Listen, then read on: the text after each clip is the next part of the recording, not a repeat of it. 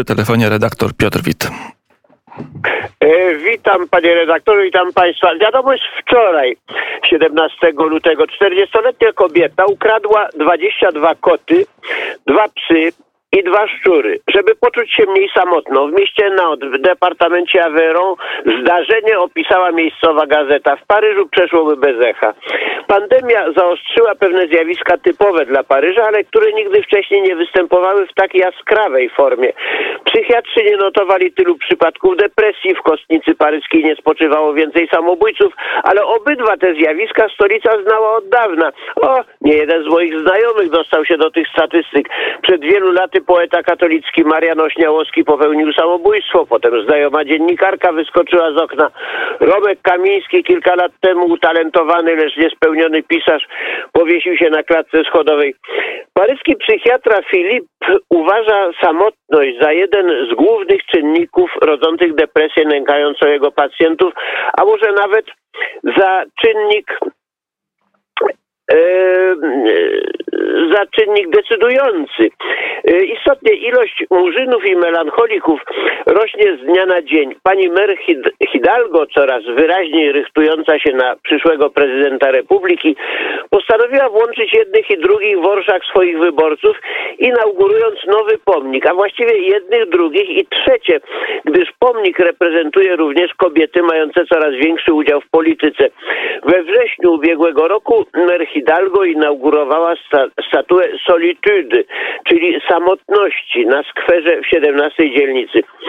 I pomnik, który płótno fałdy drapowało, przeraźliwym spojrzeniem na miasteczko natarł. Jak mówi poeta, Solitude zajęła na skwerze miejsce generała Duma, ojca pisarza Aleksandra. Niemcy przetopili pomnik na pociski. Generał Duma także był murzynem jak Solitude, ale Solitude ma nad nim liczne przewagi. Jest kobietą, czarną niewolnicą i na szczęście dla niej nigdy nie dosłużyła się tak wysokiej rangi jak e, Dumas, generał napoleoński. Wreszcie na imię miała Solitude, co nie może nie przypaść do gustu setkom tysięcy paryskich melancholików. Wbrew temu, co twierdzą wyznawcy teorii gender, nie wszystko i nie zawsze jest wynikiem kultury. Z pewnością pewne idee filozoficzne popierane przez inwestorów budowlanych mają wpływ na wybór stylu życia, ale główne czynniki paryskiej solitudy są natury czysto materialnej, drożyzna życia i ciasnota mieszkaniowa.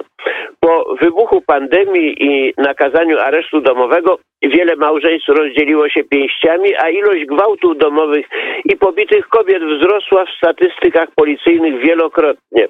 Na przedmieściu Trap znanym z niepokojów, wybuchła bójka między grupą mieszkańców i policją broniącą wychodzenia na ulicę. Nas jest ośmioro w 20 metrach kwadratowych. Musimy wyjść z mieszkania, wołali zbuntowani. Inna wiadomość wczoraj. Za ogromne mieszkanie paryskie pewien Chińczyk zapłacił 49 milionów euro. To jest po 35 tysięcy za metr kwadratowy. E, moja matka z przedwojennych wizyt w Paryżu wyniosła dwa niemiłe wspomnienia. Ciasnoty i zimna. W paryskich kamienicach szyby w oknach były pojedyncze i za całe ogrzewanie służyły kominki. W kamienicy, w której mieszkamy obecnie, podwójne okna wprawiono dopiero, kiedy się pokazały plastikowe okna spojone. Podczas gdy jak świat światem, najbiedniejsza chałupa na polskiej wsi miała podwójne okna. A co do ciasnoty, Turystę w śródmieściu Paryża zachwyca tradycyjny wygląd miasta. Nie wie, że z kamienic zbudowanych za Napoleona III i ze starszych, na które spogląda z upodobaniem, pozostał w najlepszym razie tylko pozór, wydmuszka. Większość pięknych budynków w Śródmieściu zostało wypatroszonych w ostatnich latach. Wielkie mieszkania hausmanowskie wyburzono, a na ich miejsce urządzono pomieszczenia biurowe. Warszawiakom mającym w świeżej pamięci przeróbkę hotelu europejskiego nie trudno sobie wyobrazić to, o czym mówię. Śródmieście Paryża to także jest city biurowe, jak w innych wielkich stolicach. Tylko, że nie wygląda na to, bowiem ukrywa się w skorupie starych domów. Ale przejdźcie się ulicami Śródmieścia po zapadnięciu zmroku.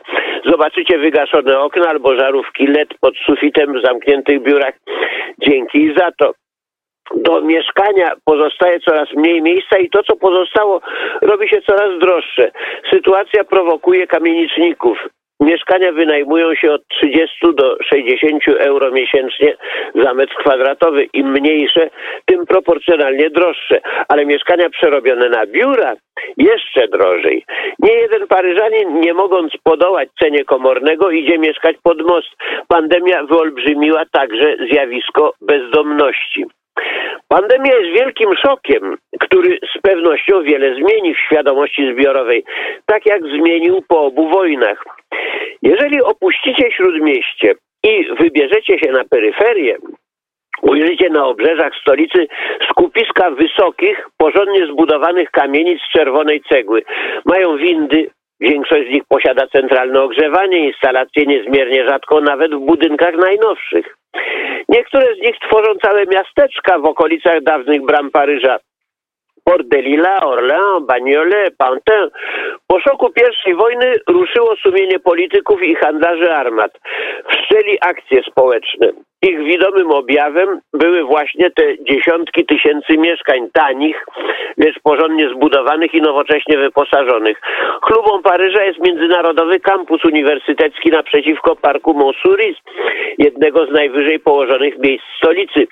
Cité Universitaire powstało po I wojnie z inicjatywy senatora Honora i uczonego Paula Appel, matematyka rektora Uniwersytetu Paryskiego, który wykładał na wielu zagranicznych uniwersytetach, między innymi na Harvardzie. Ale funduszy dostarczyli głównie żydowscy finansiści wzbogaceni na wojnie. Emil Deutsch de la Meurt, właściciel Towarzystwa Naftowego i Wytwórni Prochu, dał 10 milionów franków w złocie.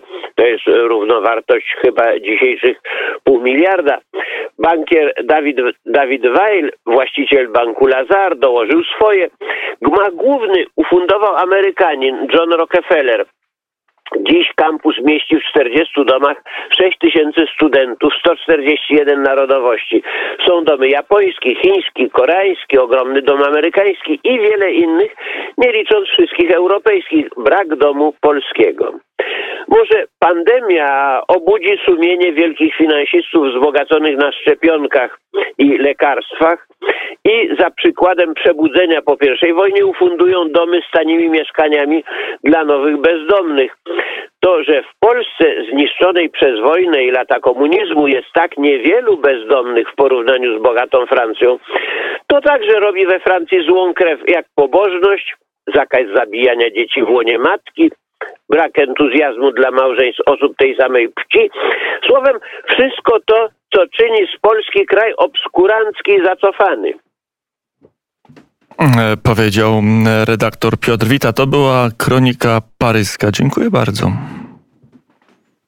I do usłyszenia e, na zegarach e, godzina 7.59. Za chwilę serwis informacyjny.